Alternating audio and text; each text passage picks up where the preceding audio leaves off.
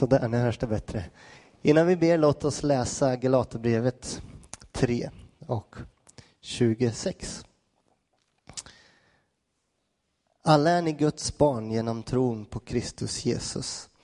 Alla ni som har blivit döpta till Kristus har blivit iklädda Kristus. Ja, Fader, vi tackar dig att vi får vara dina barn. Tack att vi genom tron och ingenting annat som vi själva kan göra få vara dina barn och bli inneslutna i din familj, Gud. Och vi prisar dig att du har kallat varenda en som bekänner sig till dig, Jesus, att bli mer lik dig, att, eh, att se på dig, att göra som dig och bli iklädda dig, Jesus. Och vi ber att vi ska få uppenbarelse om det här ordet idag, Gud. Tack för att du vill lägga någonting i våra hjärtan av, av glädje, av förväntan och av vilja att bli mer som dig, Gud. Att nå upp till fullkomligheten i dig, Fader, och det som du har tänkt för oss. Vi prisar dig för det. Amen. Ja, jag heter Johan Strandroth, eh, men jag tror att eh, med det här flintskalliga huvudet och runda huvudet så lurar man ingen. Jag är Jonsson, född på Kållandsö, uppväxt där. Eh, och, ehm, men vi har bott i Norrköping ett tag, jag och min fru, tio år någonting, lite drygt och nu är vi tillbaka till Lidköping och det känns väldigt bra. Ehm, jag ska prata om någonting idag och det är väldigt kul att jag får göra det. Ehm, prata om någonting som jag tror är centralt i kristendomen. Och inte bara centralt utan som egentligen är hela kristendomen. Eh, någonting som vi kristna talar om väldigt gärna och väldigt ofta, eh, egentligen i alla åldrar, från söndagsskolan och till hit, eh, är att bli mer lika Jesus. Ehm, vi vet det, vi som är kristna. Ehm, kanske den som inte är kristen vet också det, att den kristnes mål och mening, det är att bli som Jesus. Det är att bli mer lik honom. Ehm, samtidigt så vet vi att det är väldigt svårt. Eh, vi vet att det är omöjligt att bli som Jesus, precis som Jesus, därför att Jesus var fullkomlig och är fullkomlig, inte bara i sin himmel, eh, utan också när han gick här på jorden. Och det är väldigt svårt att leva upp till hans karaktär och det han var och det han gjorde och allting. Ehm, och det där blir ju en paradox, det där gör oss olyckliga. Därför att, att eh, olycka var någon som sa det, att det definieras som avståndet mellan det som vi har och det som vi tror att vi vill ha. Kanske inte det som vi verkligen vill ha, men det är i alla fall som vi tror att vi vill ha. Det där avståndet är det som ofta gör oss olyckliga. Ehm, och ehm, så det vill säga, lycka blir liksom att minska det avståndet. Får se om vi eh, får tyst på en telefon.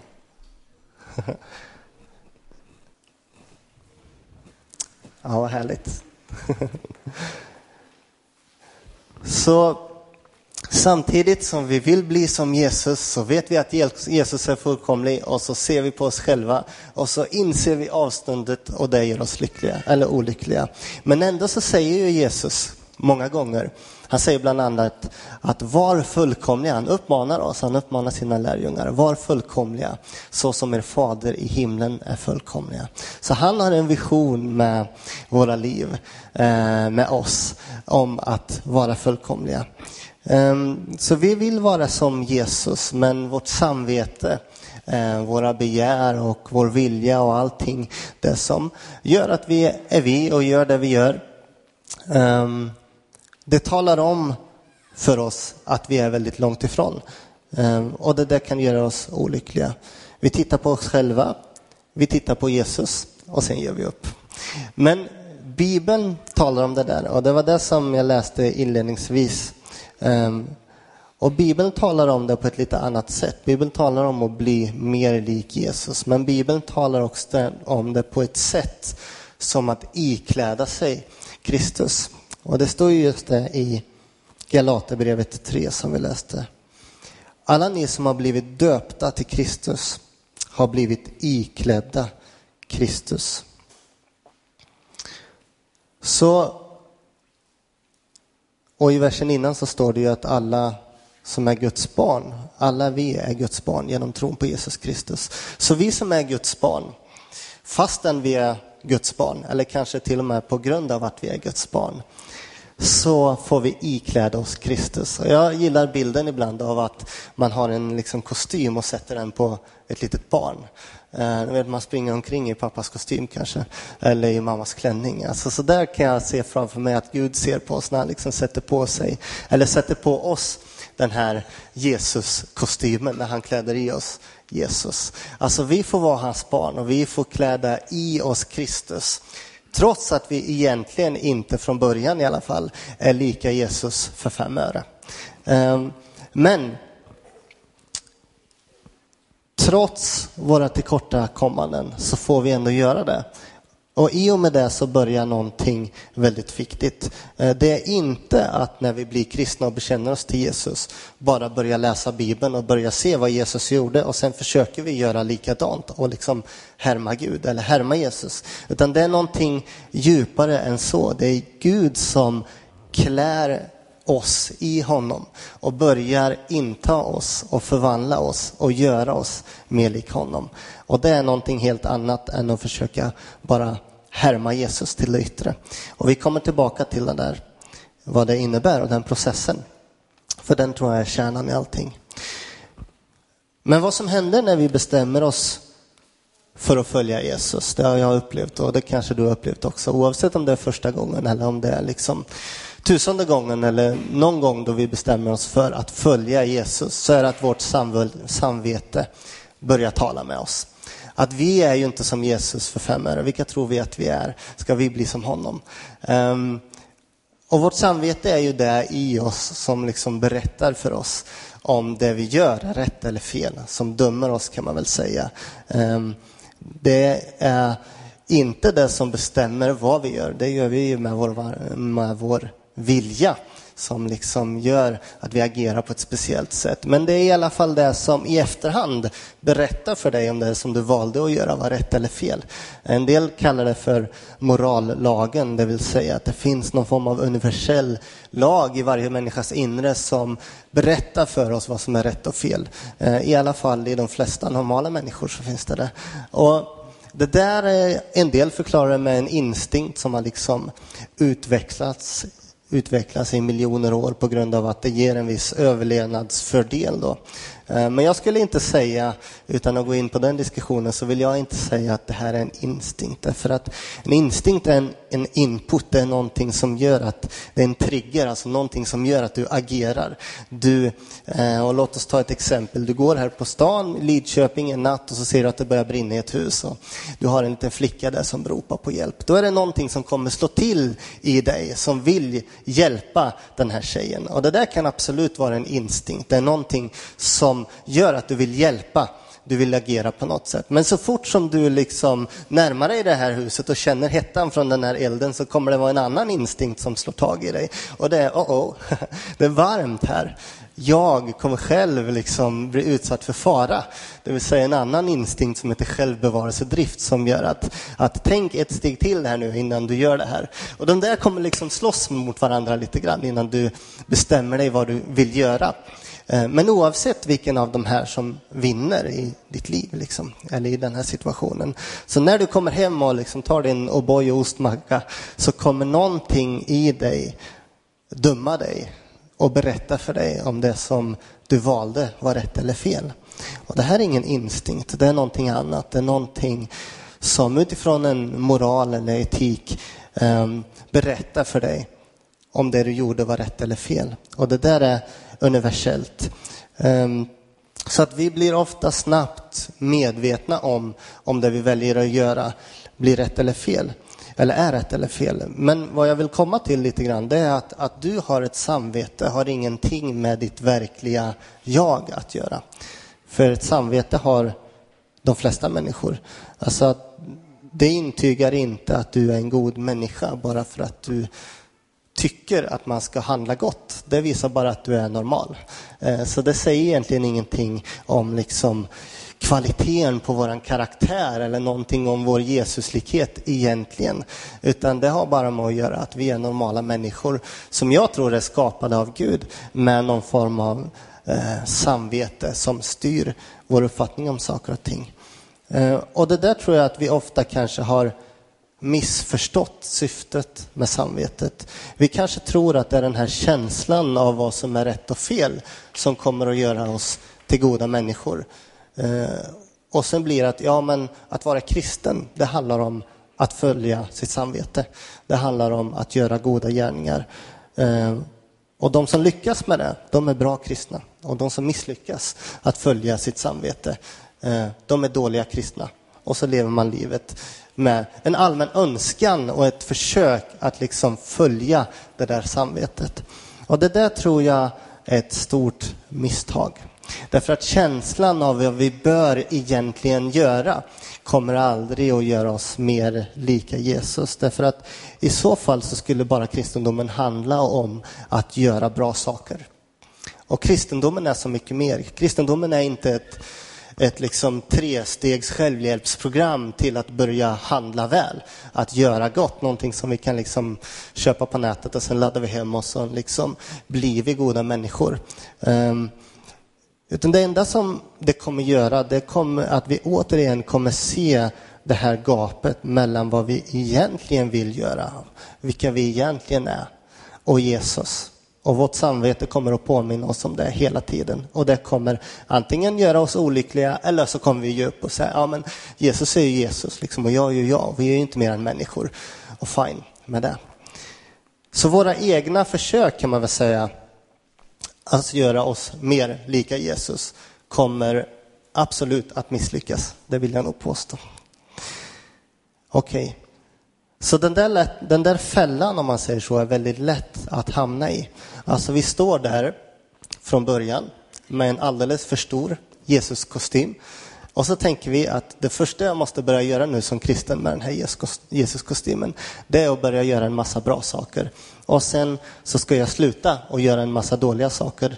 Men innerst inne så tänker vi ändå att ja, men när jag har gjort de här bra sakerna, då får jag ägna mig åt det som jag egentligen vill. Det vill säga att, att jag försöker att, att göra lite saker för att göra Gud nöjd och sen så blir resten kvar till mig. Det kan bli en liten fälla det där att vi ger kanske våra tionde till Gud. På samma sätt som vi betalar skatt. Vi ger 30 procent till staten eller 50 procent eller vad vi nu ger. Vi ger en viss del till staten och så tänker vi, ja men fine, vad skönt, nu har jag gjort det. Liksom. Nu är resten mitt. Det här får jag göra precis med vad jag, vad jag vill med.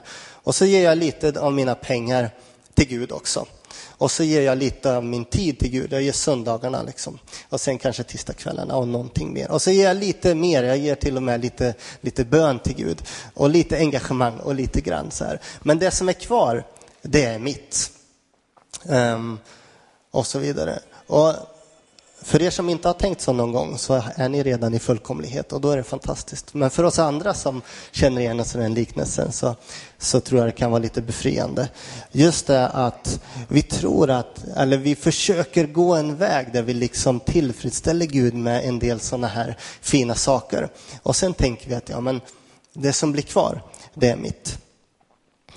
Men inte heller det kommer att funka tror jag. Även det kommer att göra oss som till en olycklig kristen. Därför att vi kommer upptäcka att vi kommer aldrig få någonting kvar. Alltså att, att vara kristen och försöka göra Gud nöjd med goda gärningar så att det liksom blir någonting kvar som jag får göra vad jag vill med, kommer också bli väldigt svårt. Därför att Gud kommer aldrig sluta jobba med oss. Gud kommer aldrig bli nöjd. Gud är som en pappa. Jag vet inte vad du har för pappa, men min pappa blir aldrig nöjd. Han kan bli glad, glad ibland, men aldrig nöjd. Liksom. Utan det är alltid, okej, okay, men sen då? Nu har du liksom gjort det här, men sen då? Ehm, jag vet inte om, om det ska vara så, men det är väl fint på ett sätt. Och Gud också gläds över våra framsteg. Men Gud eh, blir inte nöjd på det sättet att vi liksom säger, ja men Gud, vi gör, jag gör en deal med dig, liksom, jag tar den här delen av mitt liv, den får tillhöra dig. Men, men den här delen, den vill jag ha för mig själv, den vill jag liksom, jag vill göra vad jag vill med det här. Och sen försöker vi dela upp våra liv, det kristna livet och sen det andra livet. Det kristna livet som jag måste leva därför att mitt samvete säger så. Ehm, och sen det andra livet som jag egentligen vill. Men den kristna vägen, eller den bibliska vägen, skulle jag säga då, utifrån vad jag tror, är jag den kristna vägen att ikläda sig Kristus, att bli mer lik Jesus, är en annan. Och den är svårare och den är lättare på samma gång. Därför att, och det här är lite kärnan i det som jag vill säga, vad Gud säger till oss när han ber oss att bli mer lika Jesus. Det är att han säger, ge mig allting. Jag vill inte ha lite av dina pengar, jag vill inte ha lite av din tid eller ditt engagemang. Jag vill ha hela dig. Jag vill ha allting. Eh, jag vill liksom inte bara klippa bort några saker på dig som jag tycker inte ser så bra ut. Utan jag vill liksom hugga ner hela trädet. Jag vill börja om. Jag vill göra någonting nytt i ditt liv. Så vill du bli mer lik Jesus, ge hela dig själv till Gud. Ge allting till mig, säger Gud. Därför att om du gör det så finns det en underbar nyhet och det är att han redan har gett allt av sig själv till oss. Så om när vi ger allt vad vi har till honom så ger han allt vad han har till oss. Och den dealen vinner vi på, det kan jag lova. Men det är väldigt svårt. Och som sagt, det är lite Ibland kan vi uppleva att Jesus är lite motsägelsefull. Va? Det vill säga han säger att mitt ok är milt och min börda är lätt. Och, och i, i, nästa andetag så säger han att, att ta den som vill följa mig på allvar. Han ska ta sitt kors um, och följa mig. Alltså han, eh, den som vill följa mig och vara med mig, han ska dö, dö en, en tortyrdöd på ett kors. Uh, och det är klart, det måste man tänka sig att det upplevdes svårt för dem som levde på den tiden då Jesus sa det. Det var någonting som, som ja men det här är liksom, vem, vem kan stå ut med det här liksom? Um, men jag tänker att det handlar lite, eller ganska mycket om egentligen, det som Magnus Jansson pratade om förra söndagen, även om jag bara hörde halva predikan, sen fick jag gå och leka i lekrummet. Men jag hörde i alla fall någonting och det jag hörde var att våga släppa taget. Att, att liksom man hänger där på den där grenen och Gud säger släpp. Då finns det inget så här, ja men Gud kan jag inte bara släppa med ena fingret liksom. Sen kan jag få känna underifrån att du tar tag i mig. Nej, utan släpp hela handen. Släpp alltihop. Det är när vi släpper allting till Gud och ger allting till honom. I tro förstås, för vi vet ju inte vad som väntar. Det är då som vi får uppleva hur det verkligen är att lita på Gud och att bli omhändertagen om Gud och att få börja den här processen om att bli mer lik Jesus. Och jag tror faktiskt att om vi siktar på som församling eller som individ eller som land eller vad som helst egentligen, att bli mer lika Jesus så finns det bara den här vägen att gå. Alltså, även om det verkar fruktansvärt att släppa taget. Även om det verkar väldigt svårt så är det den lättaste vägen därför att det är den enda vägen att gå om vi verkligen vill komma nära Jesus och bli som honom. Det står i Matteus kapitel 16 vill jag läsa. Jag citerar några verser tidigare men jag vill läsa vers 25 i Matteus kapitel 16.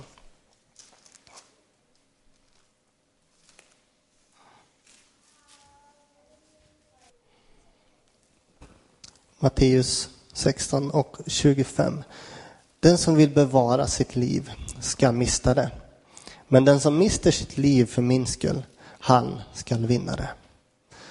Så vad säger Jesus egentligen? Jo, han säger det att vill du mista ditt liv för min skull så kommer du också att vinna ditt liv.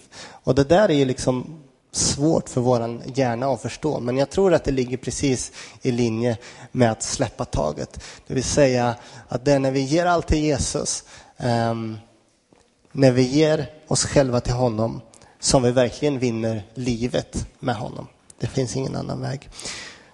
Så om man tänker lite på det som vi pratade om i början där så tror jag att det går inte att bli mer lik Jesus eh, genom att egentligen ha en massa egocentriska och egoistiska begär och sen krydda livet med lite goda gärningar för att försöka leva hederligt och ödmjukt. och kristet. Lika lite som det går att liksom odla fikon på tistlar eller lika lite som det går att bara strö lite vete på en gräsmatta och, och tro att ja, men nu kommer det vete här. Därför att om det ska till en förändring så måste det gå djupare. Det måste liksom plöjas upp och det måste bearbetas och det måste göras en massa saker som jag inte har någon aning om. Men det ser jobbigt ut när de håller på här på sina åkrar. Och det ser ut som att de inte bara liksom sprider ut någonting nytt, lite säd och sen så växer det upp och så blir det jättebra. Utan de måste harva och plöja och ta bort det gamla och så vidare. De måste gå på djupet. De måste plöja upp och förnya. Och på samma sätt i våra liv, vi måste gå på djupet om det ska till en förändring. Det räcker inte med att bara veta vad Jesus gjorde och försöka härma honom, utan det måste börja med en process där vi säger att vi vill överlämna våra liv till honom. Okay. Och det är här man kommer till utmaningen i praktiken, därför att varje morgon när vi vaknar upp, eller varje fredag när vi kommer hem från jobbet, så kommer alla världens utmaningar och alla världens saker bara försöka bombardera oss med liksom, det här ska du göra, det här ska du tänka, det här ska du liksom fixa, det här ska du ordna och så vidare. Så att allting kommer liksom utifrån och in i ditt liv och i mitt liv och bara liksom säger så här, det här är här du ska prioritera. Och det är då man måste liksom kunna välja. Eh, det är då man måste kunna skjuta undan det där andra som vill trycka på och börja lyssna till den andra rösten, den kanske lite mer stilla rösten som kommer inifrån, som kommer från Gud, den här livsströmmen. Och det där är en process som man lär sig och som man förhoppningsvis kan få att funka lättare och lättare. Ju mer man lär känna Gud, ju mer man liksom blir Eh, Eh, duktig är väl synd att säga, men ju mer man mognar i att försöka se vad som är vad och kunna urskilja vad som kommer som liksom bara över mig om krav och måsten från världen och vad som kommer ifrån Gud, vad som är influerat av honom och kommer ifrån hans ande. Ehm, och på samma sätt hela tiden, va? i hela livet. På morgonen, på eftermiddagen eller när det än är egentligen. Undan med det världsliga och lyssna till den inre strömmen. Och mer och mer så kommer vi känna, tror jag, eller uppleva i alla fall, att vi växer i den där kostymen. Vi som var barn från början och som liksom hängdes på en sån stor kostym som vi höll på att drunkna i, i nåd och i den här processen så kan vi börja växa faktiskt. Och vi kan börja växa i den här Jesuskostymen. Ehm, och till en början med kanske bara vi några ögonblick upplever att vi liksom är i enlighet med Guds vilja och med det han vill göra. Men mer och mer, antingen i det här livet eller i nästa i alla fall, så kommer vi växa i den här kostymen och gå mot fullkomlighet.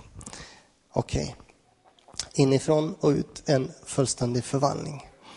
Så, mot slutet här då. Vad är den praktiska skillnaden i de här olika sätten att se på att bli mer lik Jesus? Jo, alltså det första, då försöker vi att på egen hand bli som Jesus. Vi lever som vanliga människor och sen när något dilemma dyker upp, ja, då ber vi till Gud och hoppas att han ska hjälpa oss. Och handlar vi fel så hjälper våra samvete till att döma oss. Och så försöker vi att liksom göra rätt fastän, fastän att vi egentligen inte vill det.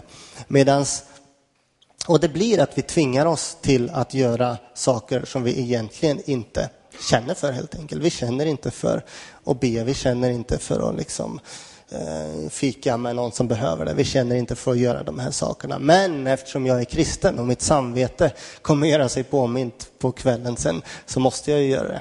Det är den ena vägen. Medan den andra är Jesu metod där vi mer och mer stiger upp och frågar honom, vad vill du att jag ska göra idag? Eh, vad, alltså vi är ju redan hans. Vi är ju hans barn och vi är hans lärjungar och mer och mer så formas våran vilja efter hans vilja. Och det där eh, önskar jag i alla fall att det där ska bli en livsstil. Och det kan låta lite, um, um, vad ska man säga? Ja, men det låter lite som att, ja men tänk om du vaknar upp en morgon och sen säger han åk till, du har liksom startat en utbildning och sen säger han helt plötsligt när du frågar Gud, ja men nu ska du inte göra det här, nu ska du åka till Kenya och bli missionär istället. Och så lever man hela sitt liv i en rädsla för att tänk om jag börjar fråga Gud saker, då kommer han ju ändra på allting. Och visst, det kan han göra, absolut. Men jag tror mer på en process där man liksom mer och mer är ett med Gud. Så att varje morgon när man vaknar upp så behöver man inte känna en rädsla för att och, och och behöva liksom bli skickad till något ställe som man inte har någon aning om. Ibland kan det hända därför att Gud liksom har speciella planer. Men jag hoppas att vi kan ligga med våra liv i linje med vad Guds kallelse är för oss. Därför att då blir det ett lättare liv. Sen kan Gud liksom vika av med oss på olika vägar som vi inte har tänkt oss. Men i grunden så är våra hjärtan ett med Gud och vår vilja ett med Jesu vilja. Och vi känner i och med att vi är hans barn och nära honom vad Gud vill med våra liv. Okej. Okay. Så låt mig bara återkomma till det som jag sa i början om att jag tror att det här är hela kristendomen. Och det menar jag egentligen utan att ha något bibelord just nu som backar upp det.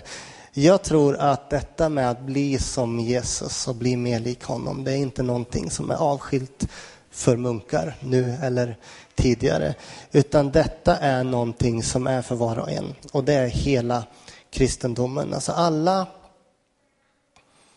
alla pastorer som vi har i kyrkan, alla bänkar som vi har och alla kablar och alla mickar och allting.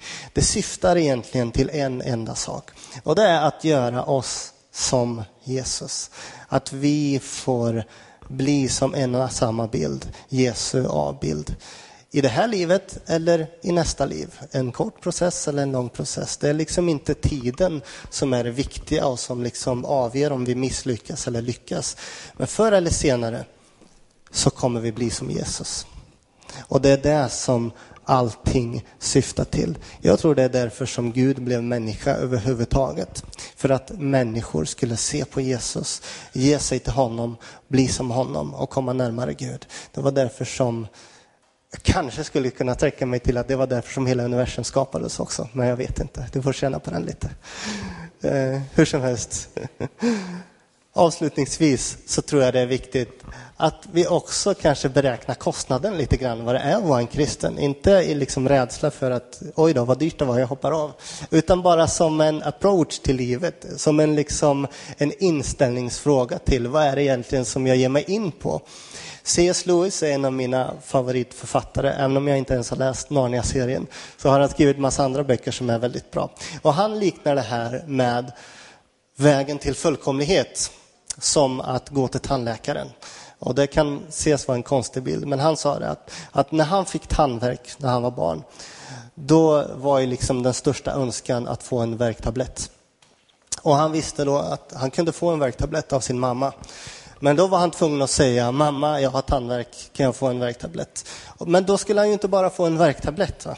utan han visste att när han väl hade fått det, på morgonen när han vaknar upp så kommer mamma ta med honom till tandläkaren. Och det var hemskt, i alla fall på den tiden. Han visste liksom att det kommer inte bara bli en värktablett som lindrar liksom i tillfälliga besvär, utan det kommer bli en genomgripande förändring alltså, i mitt liv i munnen. Och, och, det där fick man ju då väga, liksom, föra emot. Då.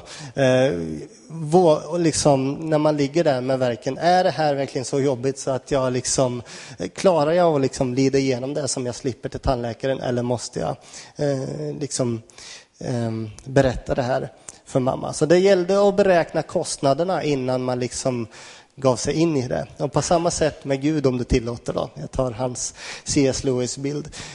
För Jesus uppmanar oss faktiskt att beräkna kostnaden. Han gör det i Lukas kapitel 14 och vers 27 om du vill titta på det. Och det tror jag är med rätta, därför att om vi ger honom lillfingret eller handen så kommer han att vilja ha mycket mer av oss. Vi kanske ofta kommer om till honom just för en värktablett. Vi kommer till honom för att bli av med någon liten synd som vi tycker är pinsam. Liksom. Någonting som inte ser så bra ut på utsidan eller någonting som gör att det känns jobbigt. Vi vill liksom få en, en, en liten bit av Gud som hjälper oss just nu. Och det där vill Gud ge oss. Han är liksom snålar inte på det sättet. Men han vill mer saker. När vi går till honom och när vi ber honom om hjälp så vill han mer. Han vill förändra hela oss. Han vill liksom ta med oss till tandläkaren. Fast till liksom läkaren och läkaren för hela livet. Han själv. Han vill göra en genomgripande förändring. Amen. Men vi kan ändå vara glada tycker jag.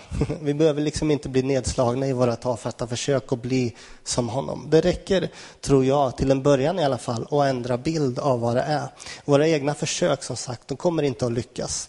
Att vi liksom tror att vi kan blidka Gud. Men när vi ger oss själva till honom så kommer han att göra någonting. Och jag tror det ligger mycket i det som Jesus säger, att de, de sista ska bli de första och de första ska bli de sista. Så det som ser väldigt bra ut för världen, eller det som inte ser bra ut för världen, det som inte ser mycket ut, det kan Gud göra någonting väldigt stort av. Därför att man väljer att ge det till honom. Och Gud kan börja någonting nytt. Gud kan börja någonting hos någon där det inte ser ut att vara någonting. Men man kanske har gett det lilla man har till Gud. Och där börjar Gud någonting och ger sig av sig själv och hjälper den människan, dig och mig. Okej. Okay. Sista bibelordet innan jag ska sluta. I andra Korintierbrevet.